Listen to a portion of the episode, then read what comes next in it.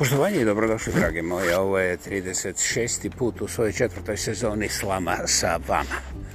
Govori samoproglašeni lingvistički aktivista, monumentalno autentični.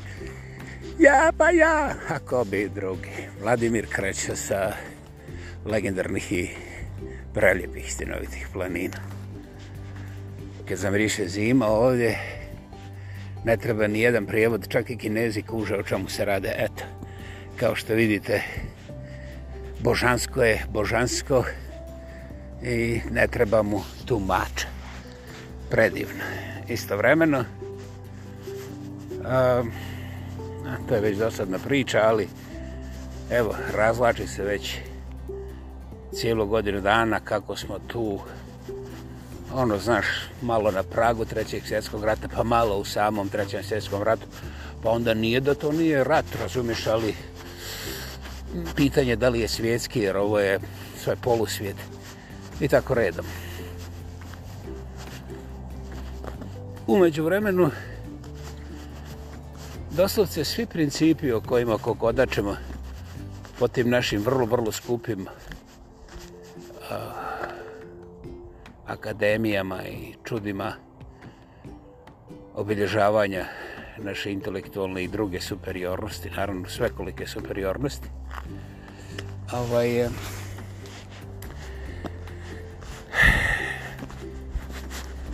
sve te znači zlatne, platinaste, nepobitne, sveorovinske i druge principe nekog elementarnog i elementarno nedodirljivog, znači neupitnog čovještva. E, da ne kažem humanizma, to nekako prokurvana riječ. pa nekako mi se čini da imamo više poštovanja prema Baljegi ono kad ostavimo u kante iza nas pa povučemo vodu a ovo što rade najveće sile trošeći ne samo zilijarde, zilijarde, ziliona što me uopće ne uzbuđuje nego trošeći i krv i znoj generacije čak i koje nisu došle znači na kredice to sve ubija, zatire siluje, siluje siluje. Znači, nema tu snage, tu ima samo sila.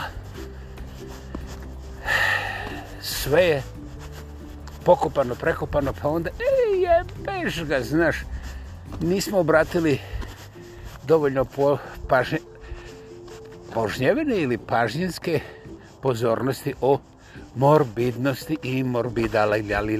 Morbidalilalijama. I onda naravno uzmiš te telešovi ponovo ih prekopavaš i ponovo ih ubiješ, ponovo ih sjeckaš, rasprašuješ, onda naprašiš neku interkontinentalnu kompiterski kontroliranu, vrlo preciznu vorum bombu i tako dalje. Ovaj, ne znam. E, ja znam e, da sada većina vas je kao gadi šta ja to tu nešto i tako dalje. Međutim, vi ste upravo ljudi koji u životu sve u tom mrcvarenju. Vi ste platili nevjerovate novost da imate kompjutere, telefone, televizore i sve te spravice koje vam direktan prijenos sa tim sa tih e, primitivnih morbidalijskih svjetskih centara donose ravnu u vašu lijepu kućicu. Vi se ne trudite da izađete u prirodu, na primjer, da ne gledate propagandne politbirovske provaljotine koje su upravo to što jesu, ja ne bih dalje, mislim, sami za sebe dovoljno zudaraju. I koliko god bi htjeli ili ne htjeli, vi ste zapravo gledalište dok nekome ne padne na pamet da treba svježog mesa i onda ćete i vi biti ubačeni igru. Naravno, vi smatrate da je to sve tako udaljeno kao teoretski postoji mogućnost, ali praktično ni slučajno, jer u pitanju je vaša koža, a ne, na primjer, moja. Gospodo, ja vam svim srcem želim da vaše iluzije zažive u realnom životu, ali ako samo malo budete koristili mozak, primijetit ćete da su sve katastrofe i kataklizme upravo najplodnije tlo imale u ljudima koji su gledali na televiziji i rekli joj, pa ovo je naš ovako, pa onda je onako, znaš, ali naravno da se ne čuje izvor njihove dnevne sobe i šutili. E, šta sam ja to htio reći? Pa ne znam, evo ovi koji su kao to buš pismeni, oni se sjećaju šta je onaj židov Kafka, Franc, zanimljivo, pisao o tome kako su svi šutili dok, eto, na kraju, najnevjerovatnije se desilo, došlo i po njega. Dakle, niko se od nas ne može sakrati. Problem je što naša mašta trpi svašta i mi onda u toj našoj mašti imamo takve zaklone koji su čudo živo i mi smo toliko fascinirani sa njima da dok nam je guza namazana, namazana sa našim skupo plaćenim maslacom, mi ne možemo povjerovati da će nas neki son u takvoj situaciji razguziti. Rako čisto radi sporta, ne zbog toga što treba neka logika. A ovaj, znate, ne morate razmišljati. Demokracija je, niko vas na to ne mora prisiliti. Maštajte. Ali, ovaj, onda ćete shvatiti zašto su od pjesnika napravili budale koje fantaziraju. Da, da, da, vidiš kako mašta jednom postaje fantazija. S kojim razlozima, na temelju čega? Znaš, i onda još da pitamo definiciju, prve riječ pa druga, da, ne, ajde, vozi, ne fantazira. E, eto ga, tako je to rješeno. I to je onda moderni svijet koji kaže, mi smo ti kao civilizacije. Ah, slušaj, zavisi šta voliš, izvoli ja se nećem petljati, ne zato što sam pristan, ha, no, no, no, no, no, no, ta priča je za mene ovaj, totalno deplasirana. Ja se ne petljam poradi toga što mi treba nešto malo vremena za mene.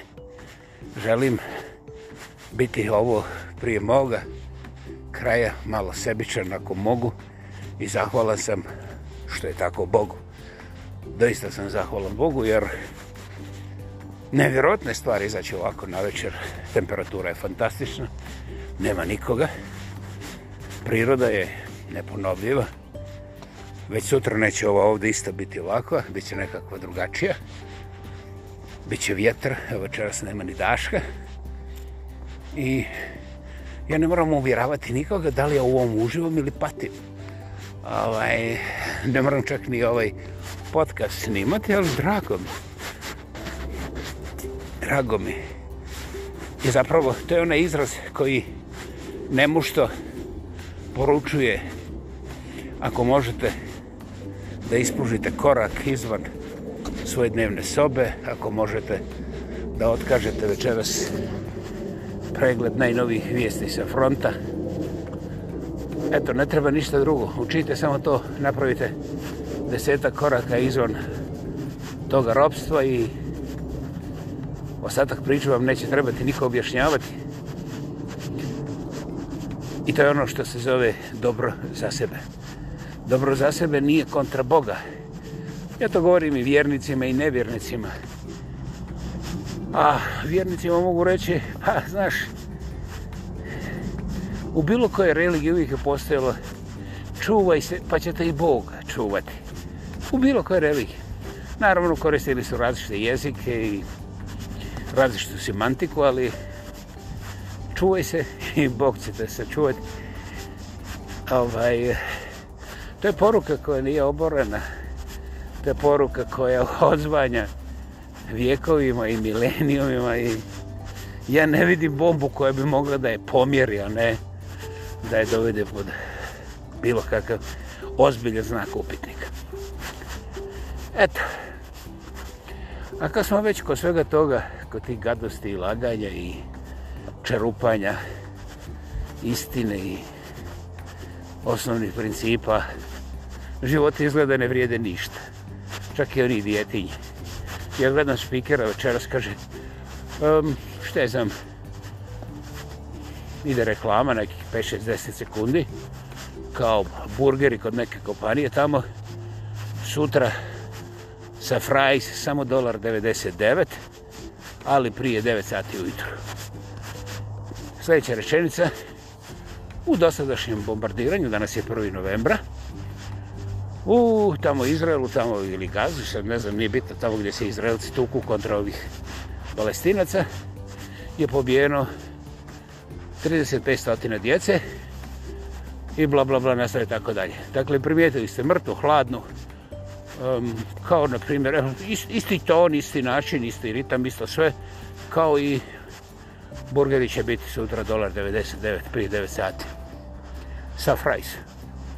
I onda 2-3 sekunde kasnije 3500 dc je utamanjeno. A naravno u zagradi stoji nastavlja se, nastavlja se, nemojte biti razočarani. Biće toga još, uh, evo do sutra ujutru će biti još koja stotina više. I sad vi hoćete da mi govorimo o civilizaciji? Molit ću lijepo. ja ne pitam kojoj. Kad kažem molit ću lijepo, zapravo, ja zapravo zamoljavam za tišinu. Jer eh,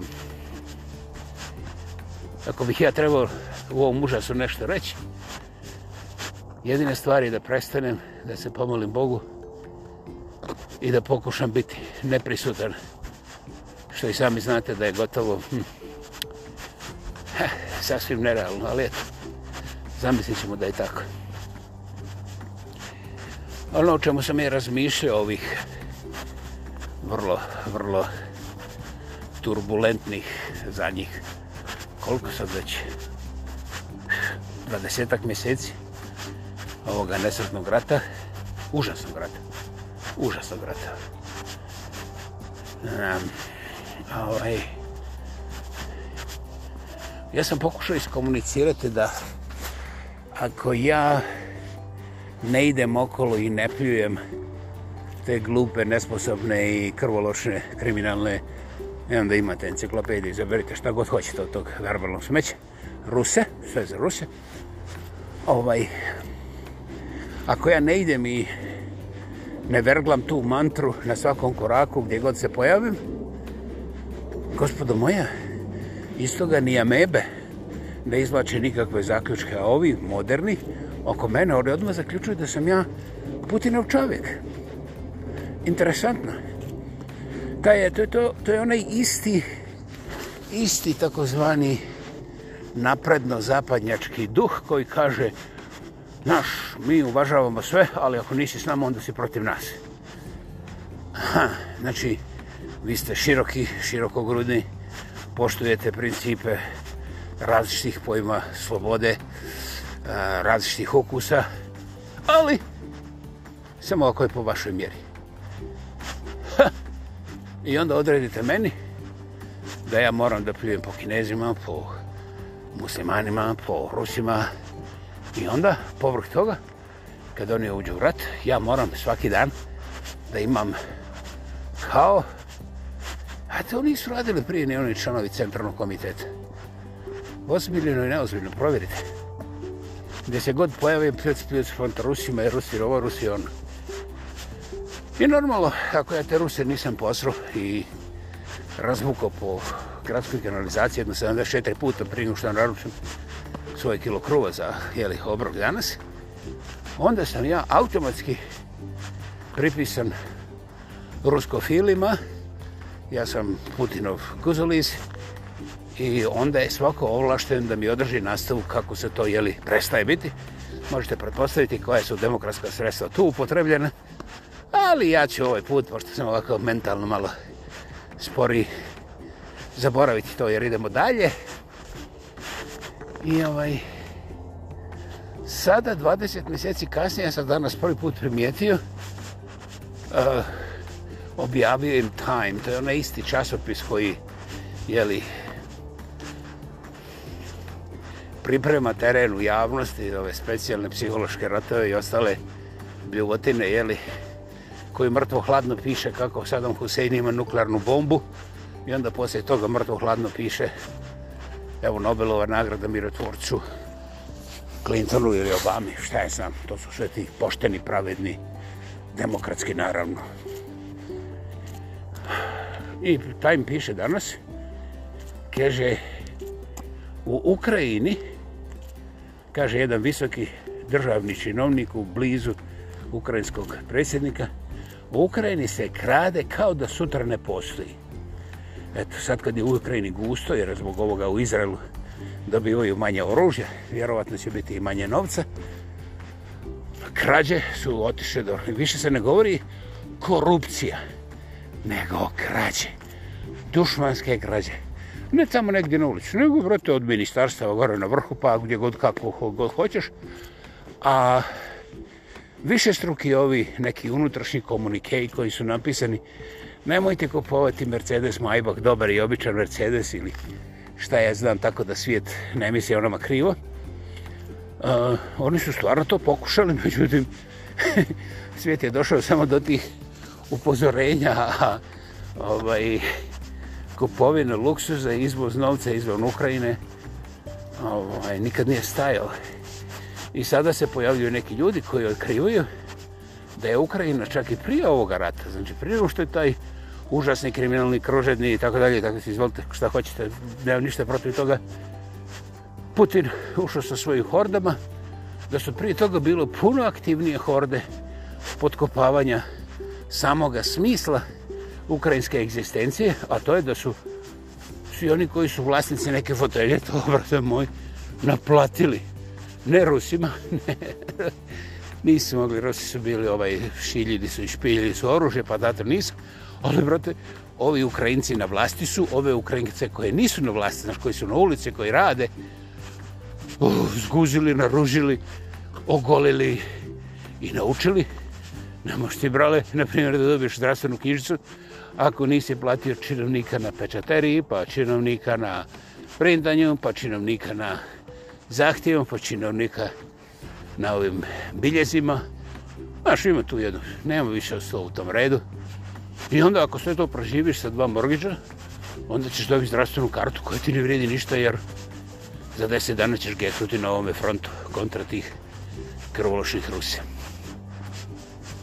Dakle, danas sam prvi put čuo ozbiljnu diskusiju kako su ovaj,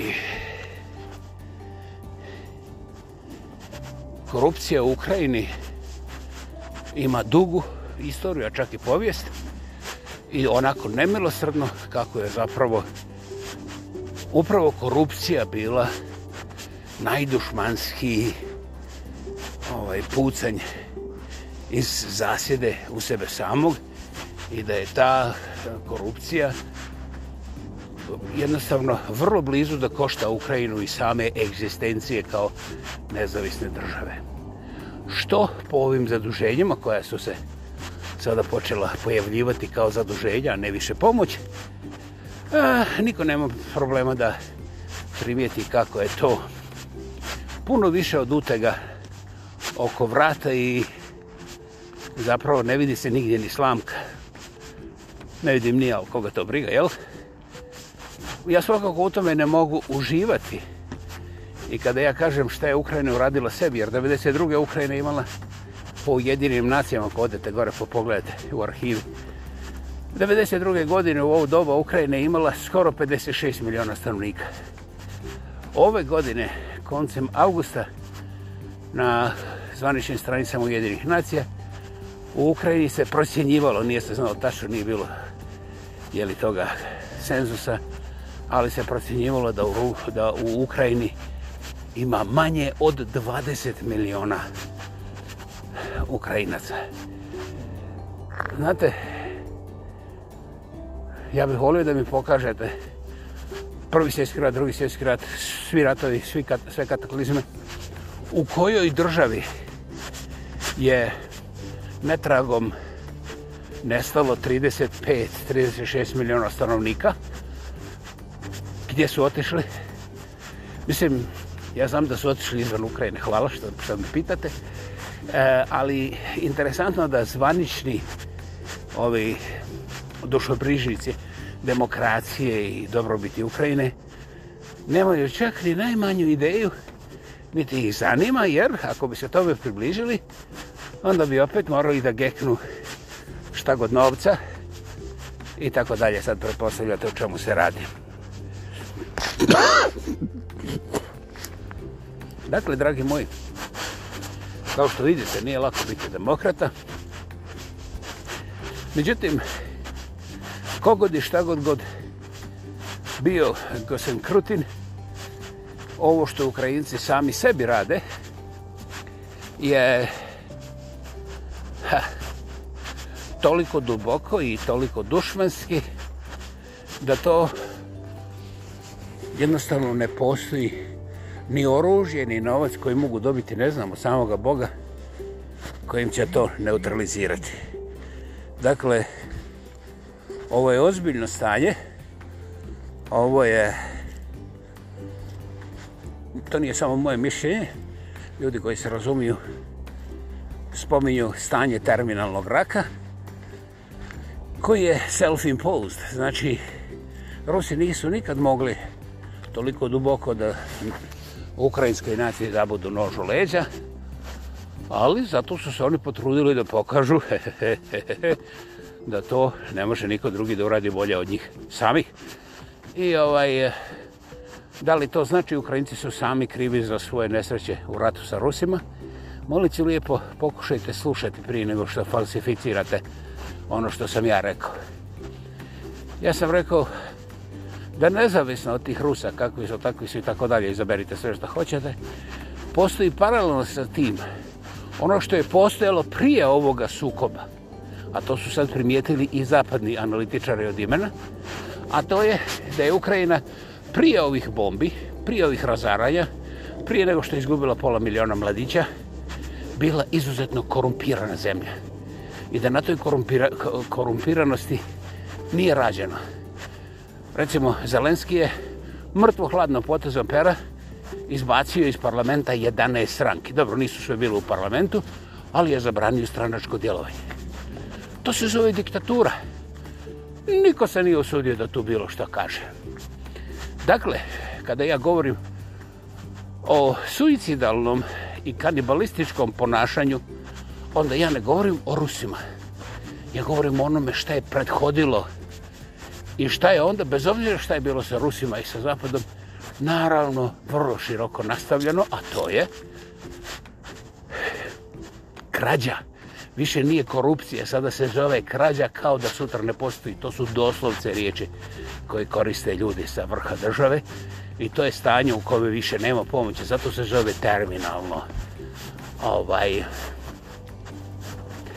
da li će Rusi to koji su cijelo vrijeme znali o čemu se radi zlopotrebiti ili neće ne zanima me ali ako malo bolje razmislite da ste vi Rusi da znate kakva vam je kakav vam je susjed na drugoj strani koliko je prefrigan i koliko sam sebe krade i kako narkomanizira svoje mladiće da trče kroz Minska polja i sve do skupa ja mislim da bi vi onda shvatili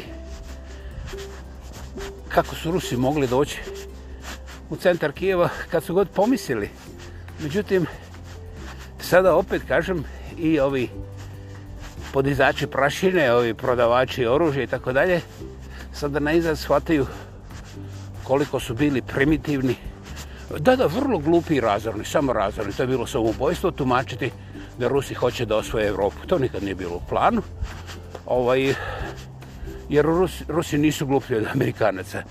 Rusi su ostavili Evropu Amerikancima i upozoravali su za njih 30 godina. Nemojte, nemojte nam dolaziti na granice.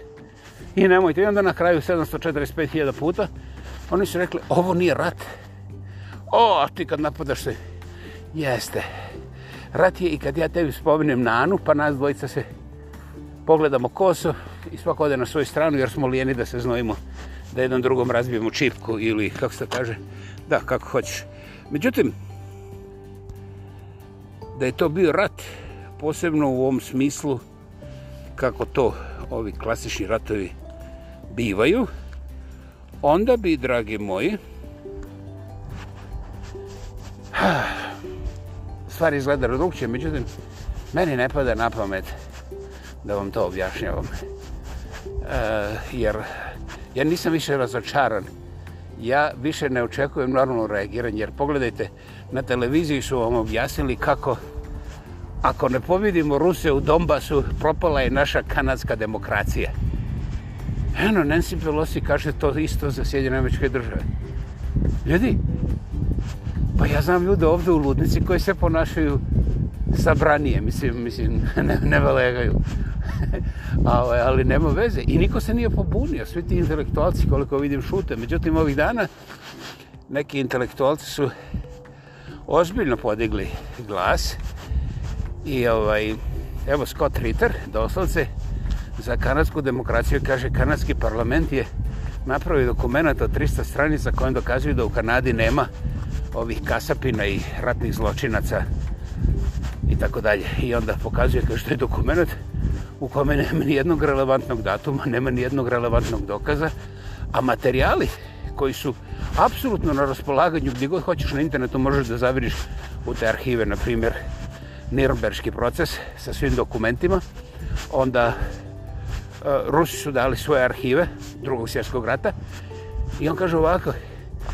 kaže, u, u kanadskom parlamentu oni opravdavaju ovoga nacistu koga su slavili, znaš, podiglo se 500 ljudi u parlamentu i imali su dvostruke ovacije za njega, to je divot.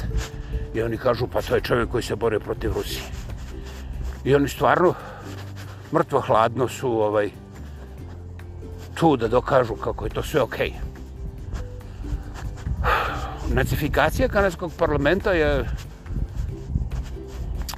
ljigava, brutalna, primitivna, I znaš, sve bi im oprostio da nisu površni lažovi. Čak i kada lažu, lažu površno.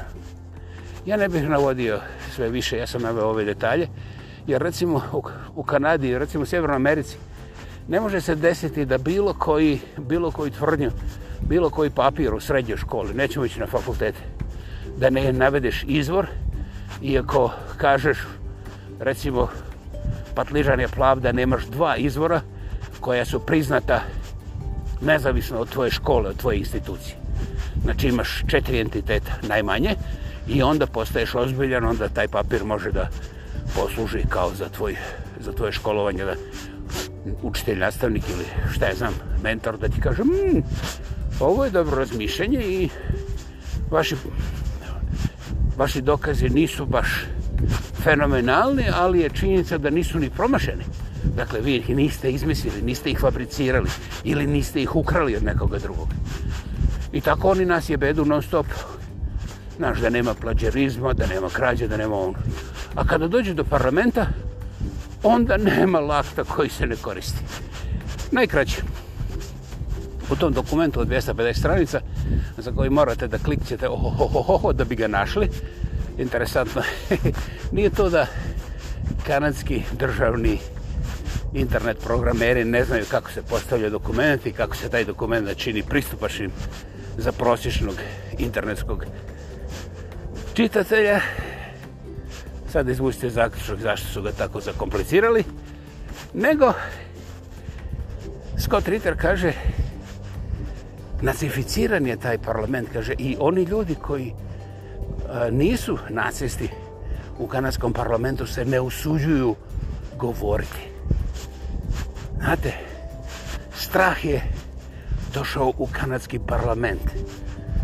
U kanadskom saboru, za razliku od Hrvatskog, nema više nikoga ko smije spomenuti ne do Bog neka druga vremena, nego samo ova. Završeno. I samo jedna istina. Nemo to, mislim, to je demokracija, ne možemo mi se igrati, znaš, malo, znaš, sira, malo kajmaka, malo, ne, ne, ne, ne, ne. Sve je mlječno, idemo dalje. Naime, jedna od tih tvrdnji u tom dokumentu od 250 stranica gdje se dokazuje da Kanada nije, nema pojma o tim nikakvim fašističkim zločinicima i guljačima, svi su oni bili čate u nekim kancelarijama, pisali su ovi ovaj, molbe za zapošljenje, recimo u McDonald'su i šta je znam, tako nešto ovaj, kaže Scott Ritter, oni objašnjavaju bijes tih krvnika TSS Waffen 14. divizije koja je bila rasno prihvatljiva nacističkom mehanizmu, jeli?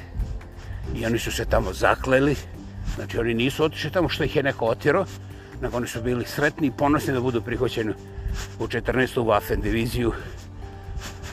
Ovaj, i to Galicijsku, koja ima vrlo, vrlo jasno dokumentiran ratni put u kome od silovanja djece, palenja a, e, živih i poluživih ljudi i onda gadosti puno više nego za cijelu jednu enciklopediju. Dakle, derani su bili strogo demokratski, očigledno, tako misli kanadski parlament. I ovaj, kaže Scott Ritter, Kaže, oni su bili strašno ponosni što su ih nacisti prihvatili kao rasno dovoljno čisto da nose nacistička obilježja i da izvršavaju nacističke zadaće. Ali, kaže, oni su iskreno uživali u ubijanju i navodi Mađara, Poljaka, Ukrajinaca koji nisu bili ovaj, toliko slobodumni i naravno svih drugih koji nisu bili na strani nacizma. Ali, svakako, najslađe im je bilo sa židovima. Istrebljivanje židova. Ovaj, I to su radili strašno, baš strašno onako. E, I sad kaže ovaj autor ovoga dokumenta iz kanadskog parlamenta, koga sam malo čas spominjao, kaže, ali, znate, samo par godina ranije Rusi su izazvali taj holodomor, znači pomor, glađu u Ukrajini gdje je po nekim procjenama i do 3 miliona ljudi pomrlo od gladi. Pa su onda oni bili revoltirani i htjeli su se osvetiti Rusima. I tu Scott Ritter povlači ono, ja vam neću reći, ja sam to provjerio. Ako vi želite provjeriti, možete, to je sve javno.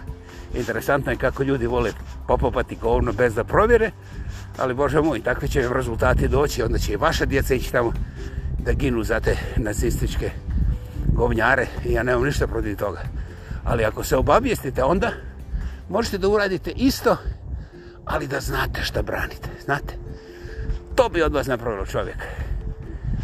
I onda kaže on, holodomor je nažalost istina, niko ne zna da li je geknulo dva ili tri miliona ukrajinaca uglavnom, ali međutim Ukrajincima je bilo strašno puno i židova i rusa i su, su to uglavnom Ukrajinci, da, ali to je bio takav pomor koji je izazvan političkim odlukama Staljina i tadašnje partije i ovi su bili kao gnjevni. Sve izgleda fino. Međutim, ova gospoda, ovi fašisti danas u kanadskom parlamentu, i njihova djeca i ti koji pišu ovakve pamflete navodeći do sto dokumenti su uljudno i ugodno zaboravili da kažu da taj dio ta galicijska 14. Waffen divizija nije imala ni jednog jedinog Ukrajinca ili Rusa sa te strane gdje, gdje ovaj, umoreno 2 do 3 miliona ljudi zbog te gladi i zbog te nesreće toga, toga vrlo, vrlo, vrlo gadnog holodomora koji jest sredinom 30. godina pogodio centralnu Ukrajinu zbog odluka centralnog komiteta sa Socialističkog savjeza sa, Sovjeza Socialističke parije SSR, ok. Naravno i gospodina druga Staljina. Znači, ta galicijska divizija se nije zvala galicijska zato što su oni bili Ukrajinci. Znate, Oni su bili građani Poljske države. Oni se nisu borili za Ukrajinu. Oni su samo, kad im je pogodovalo, skretali pod Banderasa ili pod Hitlera, zavisi koji im je pružao više oružja, više hrane za njihove vlastite potrebe. Oni su uživali da ubijaju židove, a usput što više Poljaka, Mađara, ni Bože moj, Rusi i Ukrajinci koji se rađu na putu, a nisu njihovi ovaj, obožavatelji. Dakle, još jednom, ono što 99% ljudi ne zna danas, da ta galicijska divizija koja se sada pribrojava Ukrajince i ovom onom, je bila u stvari grupa poljskih građana, da, službeno, jer Galicija je bila poljska pokrajina u to doba, To je tek Stalin poslije drugog svjetskog rata prvi pojio u Ukrajini. I onda sada zamislite. Jedna od prime deputy minister, šta je znam, to je druga, treća osoba poslije ovoga glavnog glavonja u našoj lepoj državi Kanadskoj, je dijete iz jedne totalno fašističke familije koja je ono masivno dokumentirana. Jebote, ja ne mogu položiti za ovaj gradski autobus bez brda dokumenta i dokaza. A ona je ušla glatko u parlament i to, ja mislim da je jedino trebala da ubije englesku kraljicu da ne bi mogla ući, jer dokumentacija o njenoj familiji, ah, bože moj, gotovo da je sama povijest fašizma. Dakle, kao što vidite, fašizam je u stvari ono što mi danas zovemo demokracija ovdje na zapadu i nema šanse da će se to uplažiti jer kao što vidite jedina je čistoća čista a u očima fašizma su čisti samo čistokrvni a vi koji smatrate da nekakva pravda, logika i te stvari ljudi ne morate se probuditi jer neki su ušli u Auschwitz pa se nisu probudili nekako ih je odmah odvezlo sa vagonom tamo u one bliske komore. To je ugodno, znate. Ja na kraju krajeva svi mi gekavamo, a ovaj fašizam raste na našoj nezainteresiranosti da provjerimo zašto nas tako brutalno lažu na svakom koraku. I vi nemate obavezu da provjerite zašto vas lažu, ali Znate, vaše djece će, vaše djece će biti ne samo razočarana, nego će vas vaša djeca prokleti onda kad budete mislili da ste mirno sahranjeni. I unuci i djeca će da vas proklinju. Da li ja kažem da ima zagrovnog života? E, ja mogu da kažem što hoću. Međutim, vi imate mentalnu higijensku obavezu prema sebi da otvorite oči. Niko od vas ne traži da pravite revoluciju i da skačete na bunker neprijedeljski. Međutim, bilo bi krajnje vrijeme da za sve te krvave takse koje ste platili državi u kojoj živite, postavite pitanje zbog čega na svakom koraku nekažnjeno i brutalno lažu najviši državni rukovodnici štiteći najprljavije zločince koje je lice ove planete vidjelo.